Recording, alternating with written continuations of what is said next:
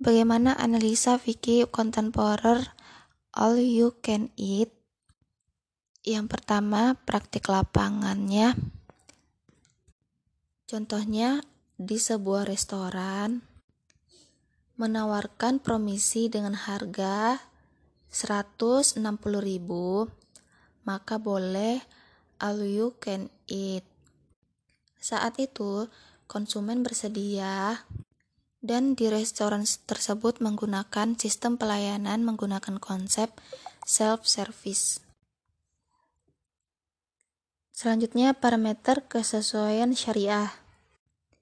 Yang, ter, yang pertama, terbebas dari transaksi yang dilarang. Misalnya terhindar dari riba, goror, maisir. Dan terbebas dari kegiatan monopoli, ba'yun, najasi, dan terhindar dari ba'i al-inah.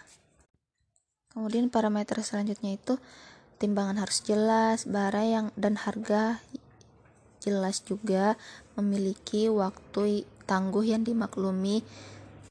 Kedua belah pihak sama-sama ridho terhadap bisnis yang dijalankan. Selanjutnya, adab etika bisnis Islam. Setiap produk yang disajikan harus halal, tidak ada unsur penipuan, goror, dan maisir.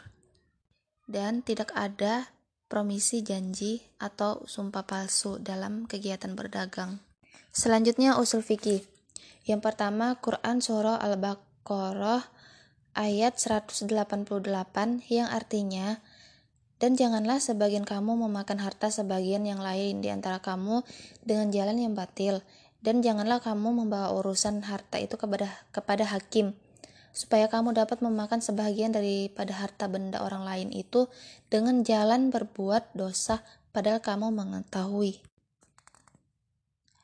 Dan ada hadis Rasulullah Shallallahu Alaihi Wasallam yang artinya Rasulullah melarang jual beli yang mengandung goror. Hadis riwayat Muslim, Tirmizi dan Nasai. Selanjutnya, kaidah fikih. Pada dasarnya, semua bentuk muamalah boleh dilakukan, kecuali ada dalil yang melarangnya. Terus, kaidah fikih yang kedua, sesungguhnya waktu memiliki por porsi harga. Selanjutnya, makosid syariah, menjaga harta dari transaksi-transaksi yang dapat mengotori harta itu sendiri. Selanjutnya, akad fikih yaitu akad jual beli. Selanjutnya, konsep fikih muamalah, Transaksi itu di, boleh dilakukan karena menurut Vicky, paket yang diperjualbelikan diketahui porsi dan kadar maksimumnya, walaupun jumlah besar dan spesifikasi makanannya tidak diketahui, tetapi porsi dan kadar maksimumnya diketahui.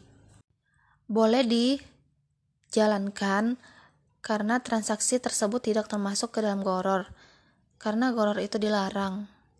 Selanjutnya, fatwa DSN MUI yaitu fatwa nomor 110 garing DSN MUI garing 9 garing 2017 tentang akad jual beli. Selanjutnya, standar syariah AAOIV.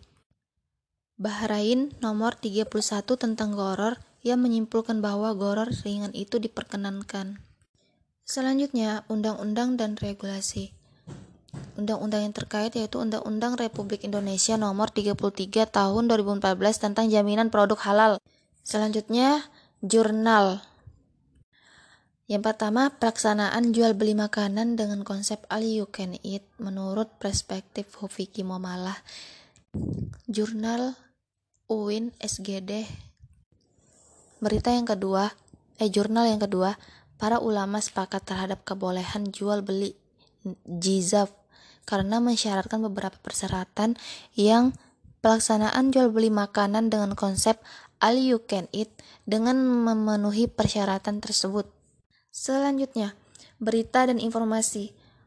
Hukum bayar 100 ribu all, all you can eat dari berita konsultasi syariah.com. Yang terakhir, manajemen pemasaran dan risiko. Dalam pemasaran, dengan promo promosi, melakukan promosi melalui aplikasi GoPay, OVO, kemudian membedakan porsi harga dewasa dan anak-anak. Dalam resikonya, kerugian yang dalam berbisnis karena kurang hati-hati dan melakukan harga dan melakukan dalam melakukan klasifikasi harga bagi konsumen. Alih-alih melakukan promosi, klasifikasi yang salah dapat mengancam keberlangsungan bisnis tersebut.